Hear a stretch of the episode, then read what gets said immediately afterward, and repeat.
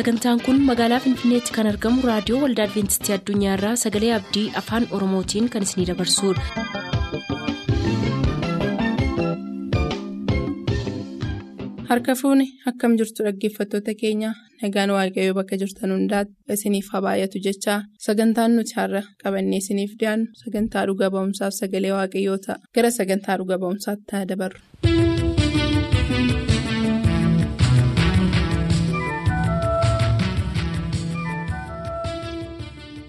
Dhaggeeffattoota keenya torban darbe guddataa tsaggaa irraa dhuga ba'umsa dhaga'uu jalqabnee turre. Dhukkubfatee mana yaalaa fi kadhannaadhaan yaalamaa tureera. Furmaata waan hin arganneef akka furmaata ta'utti bakka adda addaa geessuu jalqabaniiru. Maatiinsaa jechuudha. Waaqayyottis abdii kutataniiru. Furmaata jedhanii kan isaan jalqaban furmaata ta'eefii laata? Waliin haa caqasnu.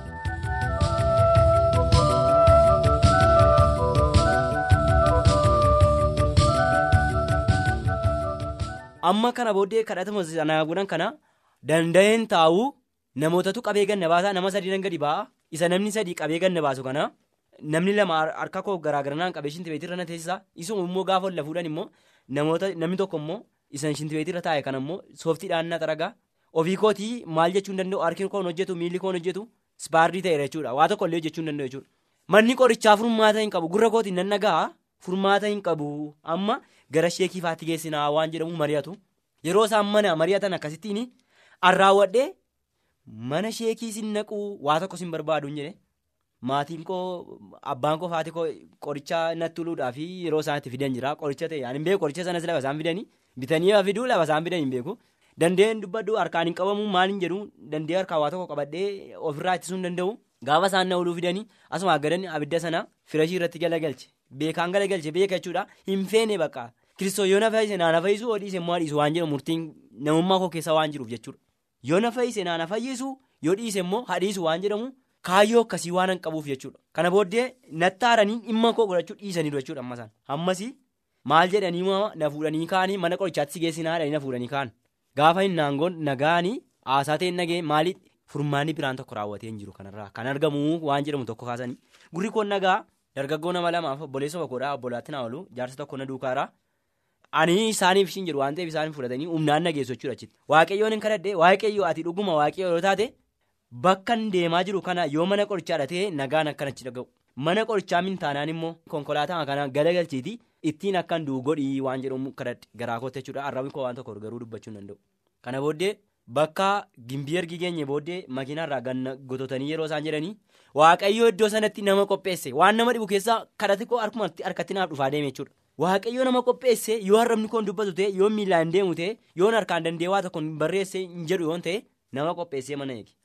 Nama qopheessee nama inni qopheesse kana keessaa waaqayyoo jaartii tokkotu na beekaa amma taaddaluu jedhamu baay'ee wal jaallanna yeroo kanatti isaanii gaafa na arganii naasuu guddaa naan baay'ee naasuu guddaa keessa jiru jechuudha.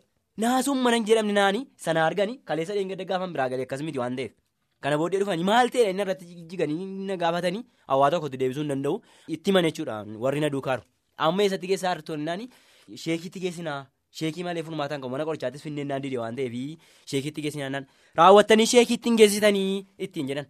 Maaliif kaleessa dheengadda dubbii waaqayyoo dubbachaa ture lallabaa ture faarfachaa ture lubbuu mucaa kanaaf itti gaafatamuu kan qabu isiniidha kanaaf hin geessitanii naan hin geessina malee kottaa agaasii nan geessaa Akka jechuun isaanii gara mana sheekiitti akka wanta isaan keessaa irraa itti fudhatanii bira dabarsanii gara mana isaaniitti nu geessanii mee lafa kaasiree kanarra kaa'atii waaqayyoon kadhannaadhanii jilbeenfatanii waaqayyoon naaf kadhatanii gurri koon nagaa yeroo amma sirriitti gurri koon nagaa garuu harki koo miilli koo ispaarii waa tokko hojjechuu hin danda'u jechuudha. Naaf kadhatanii gaafa isaan naaf kadhatanii jedhaniitti kana booddee lallaafaa fuudhanii afaan koo gargar qabanii itti naqanii lallaafaa kana nan fudhadhe nyaata silas na nyaachisu maalis hin jedhu lallaafaa kana fudhadhe jechuudha. Gaafa lallaafaa kana fudhadhu.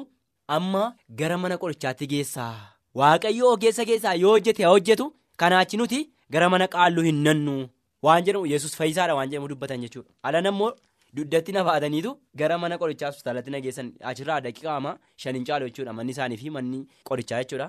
Achiin naqee mirmaraa naaf godhanii maal jedhanii qoricha naaf laatanii manni qorichaa waa tokko gochuu hin danda'u jedhan amantiinsaa maalidhanii gaafatanii kadhata godhaa fi kadhatiin gargaara waan jedhamu kaasan. Kana booddee fuudhanii achumatti na deebisanii achiin immoo qoricha naaf laataniiru. Qoricha kana bakkeettis naaf ajajaniiru. Qoricha kana fudhachaa waaqayyoon immoo irratti gaafadhaa. Waaqayyoon kadhadhaa fi waaqayyootu danda'a waan akkasii caalmaattu qoricha mitiiti. Waaqayyootu danda'a waan jedhamu naa kaasanii. Gurri koon nagaa waa tokko dubbachuu hin danda'u barreessuu hin danda'u. Kana booddee mana jaartii kanaa uuman taa'ee achi taa'ee qoricha uuman fudhadhee waaqayyoon naaf kadhatanii obboloonni koo yaa'anichitti waaqayyoon naaf kadhatu soomaaf sagadaanis hin kadhanna achitti hin kadhatu. Waaqayyoonis garaa kootti uuman kadhadhaa. Kana booddee ala ba'ee ol deebi'uudhaaf shaakaluu jammare jechuudha. Waaqayyoon na dandeessisuu jammare jechuun garaagarana yeroo isaan na qabanii miilli koo naaf ejjechaa dhufe. Suuta suuta miilli koo naaf ejjechaa dhufe naaf ejjechaa dhufe. Umurii torban sadii gidduutti jechuudha. Miilli koo akkan ala ba'ee ol deebi'u na ta'e jechuudha. Kana booddee isa sila qabaadhaan gara shintibeetti baatanii gara shintibeetti nageessanii maal jedhanii garaagara qabaniitu nageessuu jammaranii achirrattis na qabu jammaranii ol ka'ee harkoon jajjabaachaa dhufe alana san birii qabachuu hin dandeenye birii faa qabadhee barreeffama faan barreessuu jammare jechuudha. Waanani na mudatu waan rakkadhu wanta na rakkisu wanta yaadonnatti ta'u hundumaa barreeffamaan himachuu jammare. Yoon nan beela jedhee yoon bishaanan barbaada jedhee yoon mana fincaanii naqan jedhee yoon shintibeetiin naqan jedhee barreesseen itti jechuudha. Wanta isaan na gaafatanii eeyyee jechuudhaaf nan barreessa. Kana booddee ammaana ituman jedhu ituman jedhu ituman jedhu ituman jedhu ituman jedhu naannaa ji'a sadii ga'ee qoricha ija dhibba lamaaf torbaatamii shanan fixe.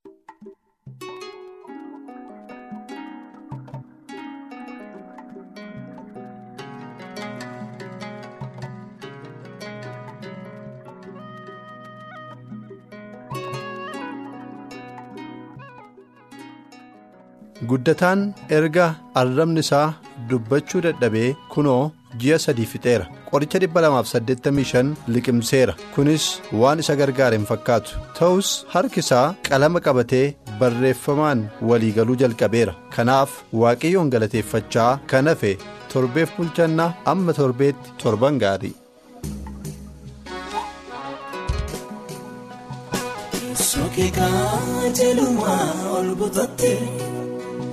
Dhugaa beeftuu mul'iftee jirta mootee jaattee hundumaa mootii guddaa qabdaa olaantummaa teessoo keekaa jelumaa ol butattee dhugaa keekaa beeftuu mul'iftee jirta mootee jaattee.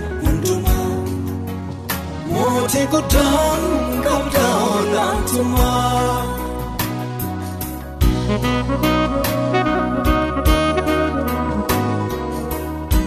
Hedduun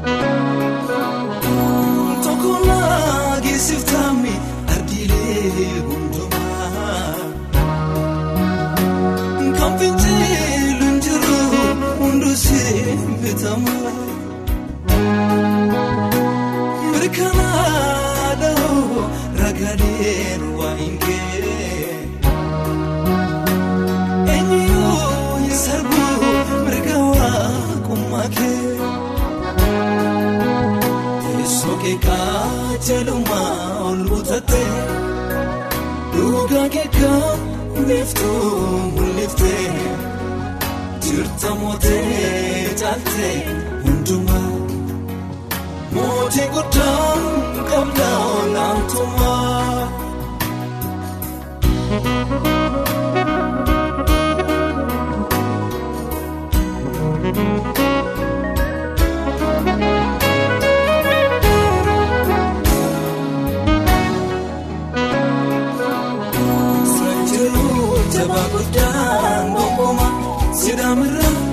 jireessi hundumaa simbitamu gadi jedhee gooftaa koo silaa dabara koo siraan jiru jabaa guddaan gonkumaa sidaamirraa jireessi hundumaa simbitamu gadi jedhee gooftaa koo silaa dabara koo siraan jiru jabaa guddaan gonkumaa sidaamirraa jireessi hundumaa simbitamu gadi jedhee gooftaa koo silaa dabara koo siraan jiru jabaa guddaan gonkumaa sidaamirraa jireessi hundumaa simbitamu.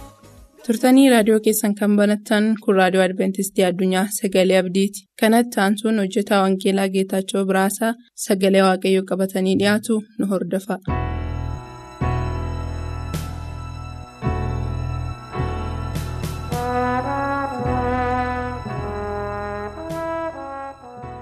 Kabajamoota dhaggeeffatoota keenyaa akkam jirtu?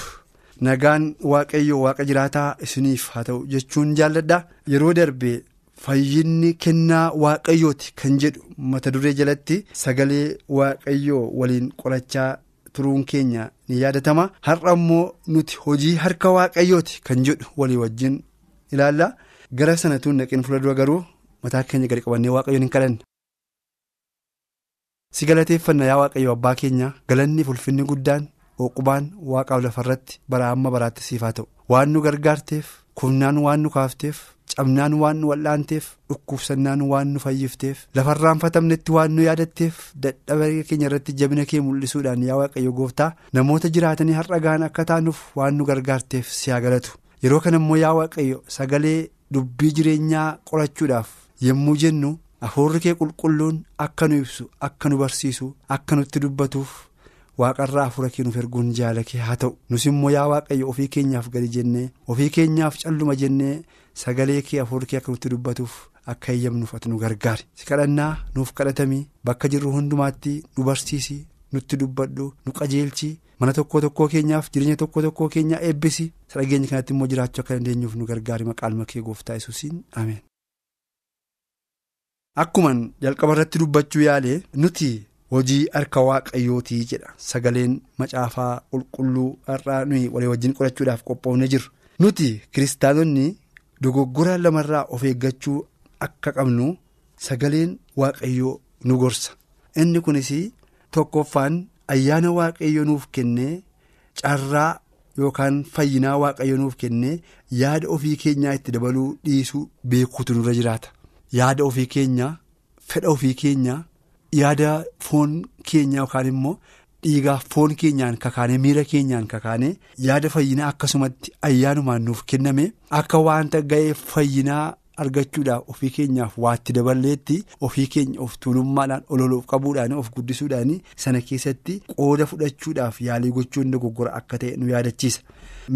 Mee Efesoon boqonnaa lama lakkoofsa kudhan irratti yommuu dubbifannu sagaleen waaqayyoo waan nu gorsu qaba iddoo kanatti mee walii wajjin ilaalla lama boqonnaa lama lakkoofsa kudhan irraa dubbifanna nuyi jedha. Hojii harka isaatiitii hojii gaarii isa waaqayyo duraan dursee qopheesse keessaa akka deddeebinuuf karaa kiristoos yesus uumamnee jedha. Iddoo kanatti sagaleen kun jabeessee kan inni nutti dubbachaa jiru kan inni nu barsiisaa jiru kan inni nu gorsaa jiru nuyi jedha nuyi hojii harka waaqayyootii jedha. Harka waaqayyootu nu tolche harka waaqayyootu nu uume harka waaqayyootu qaama keenya bu'aan hunda keenyaa tokko tokko isaa gahee gahee isaanii raawwatanii namummaa keenyaaf illee fayyaa akka isaan kennaniif godhee kan uume waaqayyoodha. Isa uumamne kana keessatti dinqiitti isa uumamne tolfamne kana keessatti ofii keenyaa fi gahee xabanne yookaan immoo shoora xabanne tokkollee kan hin qabne ta'uusaa sagaleen waaqayyoo iddoo kanatti nutti dubbata. Kanaaf egaa isa dinqiitti nu uume waaqayyo isa bareechee tolchee nu uume waaqayyo isa erga nu uume immoo karaa jireenyaaf haala jireenyaa nu mijeesse waaqayyoof galata galchuudhaan kan baate ofii keenyaaf akka wanta jabina keenyaanii akka wanta humna keenyaanii akka wanta beekumsa keenyaanii akka wanta dandeetti ofii keenyaaf qabnuuni baafnee of galchine oolchinee of bulchine hojjennee of jiraachifneetti ofuma keenya ol qabu. Dubbii waaqayyoo sagalee waaqayyoo tuffachuu irratti ka'uu dhiifne inni nu uume waaqayyo inni dinqiitti nu tolche waaqayyoodha jenne an hojii harka kootii miti kan har'aa ittiin of jiraachisaa jiru. Kan na uume waaqayyoodha kan na tolche waaqayyoodha ani qodaa waaqayyooti an harka waaqayyoo nan tolchame an harka waaqayyoon an uumame isatu na jiraachisa isatu irraan naga'e boris immoo abdiin isa jenne harka san uume harka waaqayyoo jala of galchuutu nurra jiraata malee saba waaqayyoo har'a daganne dogoggorree irraanfanne yaada waaqayyoo jalaa bakkee baanee yoo argamne waaqayyo garaansaa nutti gadduu danda'a. Waaqayyo garaansaa nutti gaddee jennaan immoo hamaatti kufuu dandeenya kanaaf egaa hamaatti akka hin kufnee fi dogoggora keessa akka hin seennee fi nuyi hojii harka waaqayyoo ta'uu keenya beekne waaqayyoon namoota uumamaniif tolfaman ta'uu keenya beekne jaalala waaqayyootti deddeebi'uun kan nurra jiru ta'uusaa nu yaadachiisa inni lammaffaan immoo kiristoosiin waan fayyinee fi seera yookaan abboommii eeguun nu barbaachisu isa jedhurraa of eeggachuun barbaachisaadha tokko. Akkuma gaarraatti jedhee inni tokkoffaan waa lamarraa of eeggachuu qabna akkuma jedhe inni tokkoffaan ayyaana waaqayyo nuuf kenne irratti yaada ofii keenyaa dabaluudhaan of tuulummaa ofii keenyaa fedha ofii keenyaa dabaluudhaan yaada waaqayyoo busheessuu yookaas immoo ayyaana waaqayyoo jalaa obbaasuun akka nurra hin jirredha inni lammaffaan immoo kiristoosiin waan fayyinee fi seera yookaan abboommii eeguun nu barbaachisu isa jedhu ergaa dogoggoraarraa of eeggachuun barbaachisaadha sababiin kana jechuu dandeenyuuf immoo namni fayyee.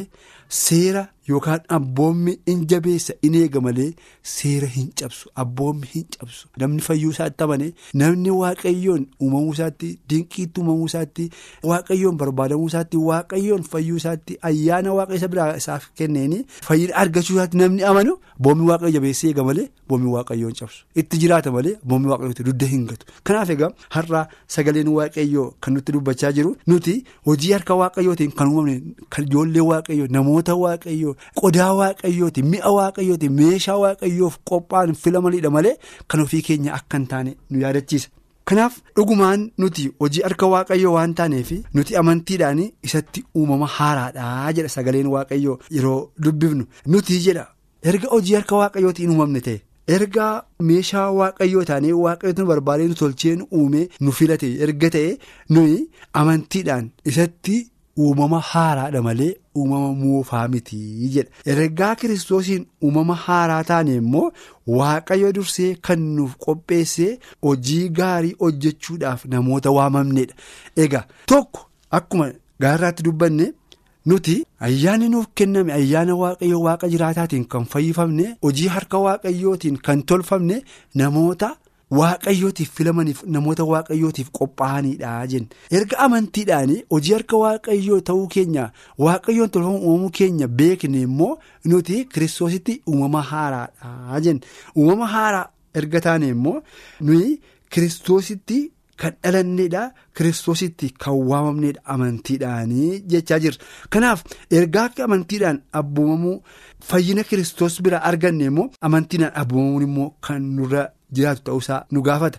Abboomamuudhaaf garaa kiristoos qabaachaa ta'es qabaachuun barbaachisaadha egaa ergaa kan kiristoos ta'uu keenya beekne kiristoositti uumama haaraa ta'uu keenya beekne kiristoos irraa dhalachuu keenya erga beekne nuti abboomamuudhaan immoo amantiidhaan abboomamuu keenya mul'isuun immoo barbaachisaa akka ta'e nu yaadachiisa. Abboomamuudhaan immoo amantiidhaan jireenya kiristoos jiraachaa ture shaakaluudhaan mul'isuun akka nurra jiru nu yaadachiisa. Kanaaf har'aa biyya lafaa irratti rakkina baay'eetu jira. Namoonni yeroo baay'ee walitti bu'uudhaan wal loluudhaan gargar bu'uudhaan wal gaddisuudhaan yeroo isaanii kan dabarsan baay'een jiru amantootuma ta'anii jechuudha kanaaf kun immoo. Baay'ee kan nama gaddiisu amantiittis kan nama laaffisu hojii waaqayyootis kan nama dadhabsiisu gargar ba'u kan fidu rakkinaa namoota gidduutti waldaa waaqayyoo gidduutti illee kan uumu ta'uusaa beekuun barbaachisaadha sababiin isaa iddoo walitti bu'iinsi jiru walii wajjin haasa'uun walii wajjin dudubbachuun walii wajjin mari'achuun hin jiru. Iddoo walii wajjin mari'achuun hin jirre immoo walii galuun hin jiru. Iddoo walii galuun hin jirre immoo walii wajjin jiraachuun hin jiru. Iddoo walii wajjin jiraachuun hin jirre immoo guddinni yookaan jijjiiramni hin jiru. Kanaaf egaa har'a. Inni nuyi walitti buunu inni nuyi gargar baanu inni nuyi wadhabnu inni nuyi wallollu nuufis hojii waaqayyoofis dadhabina fide erga ta'e har'aa uumama haaraa ta'uu keenya kiristoositti namoota lammata dhalatanii amantiidhaan jireenya haaraa keessa deddeebi'aa jiran namoota ta'uu keenya amanuudhaan yookaan beekuudhaan qalbii keenya yaada keenya hundumaa kiristoosiif laannee jaalala kiristoos yesus qabaachaa ture. Garaa kiristoos yesus qabaachaa ture. Nus qabaachuudhaan warra waaqayyoof dhimma baasan namoota ta'uudhaaf har'a jireenya amantii shaakaluun barbaachisaadha. Jaalalli gubaan walii walii keenyaaf qabaachuudhaan waaqayyoof qabaachuudhaan akka jiraannu sagaleen kun nu gorsaa jechuudha namoonni. jireenya isaanii keessatti jaalala hin qabne jireenya isaanii keessatti namaaf dhiifama gochuu hin beekne jireenya isaanii keessatti namaaf irra darbuu hin beekne rakkina yookaan kiyyoo sana keessa akka isaan bu'an beekamaadha kanaaf egaa jal'inni yaadni hamaan lolli yeroo baay'ee gara kufaatiitti gara badiisaatti nama geessa namni ofiisaatii aarii irratti yeroo isaa dabarsu lola irratti yeroo isaa dabarsu jibba irratti yeroo isaa dabarsu immoo mana isaaf illee yommuu nagaa hin qabaanne ofuma isaaf illee yommuu nagaa hin qabaanne.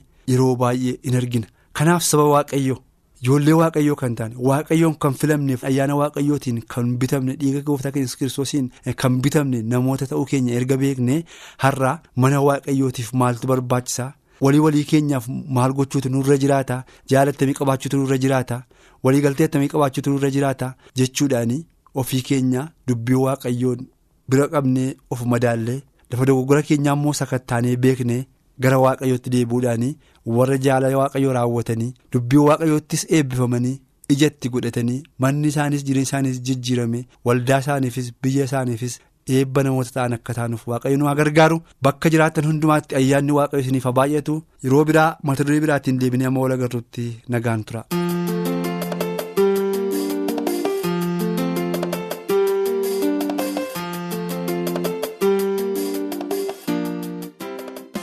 Sagantaa keenyatti akka gammaddan abdachaa har'aaf kan jenne xumurreerra. Bor sagantaa faarfannaa qabannee isiniif dhiyaanna beellama keessaan nu waliin godhadhaa jechaa nuuf barreessuu kan barbaadaniif ammoo lakkoofsa saanduqa poostaa 45 finfinnee. Lakkoofsa saanduqa poostaa 45 finfinnee.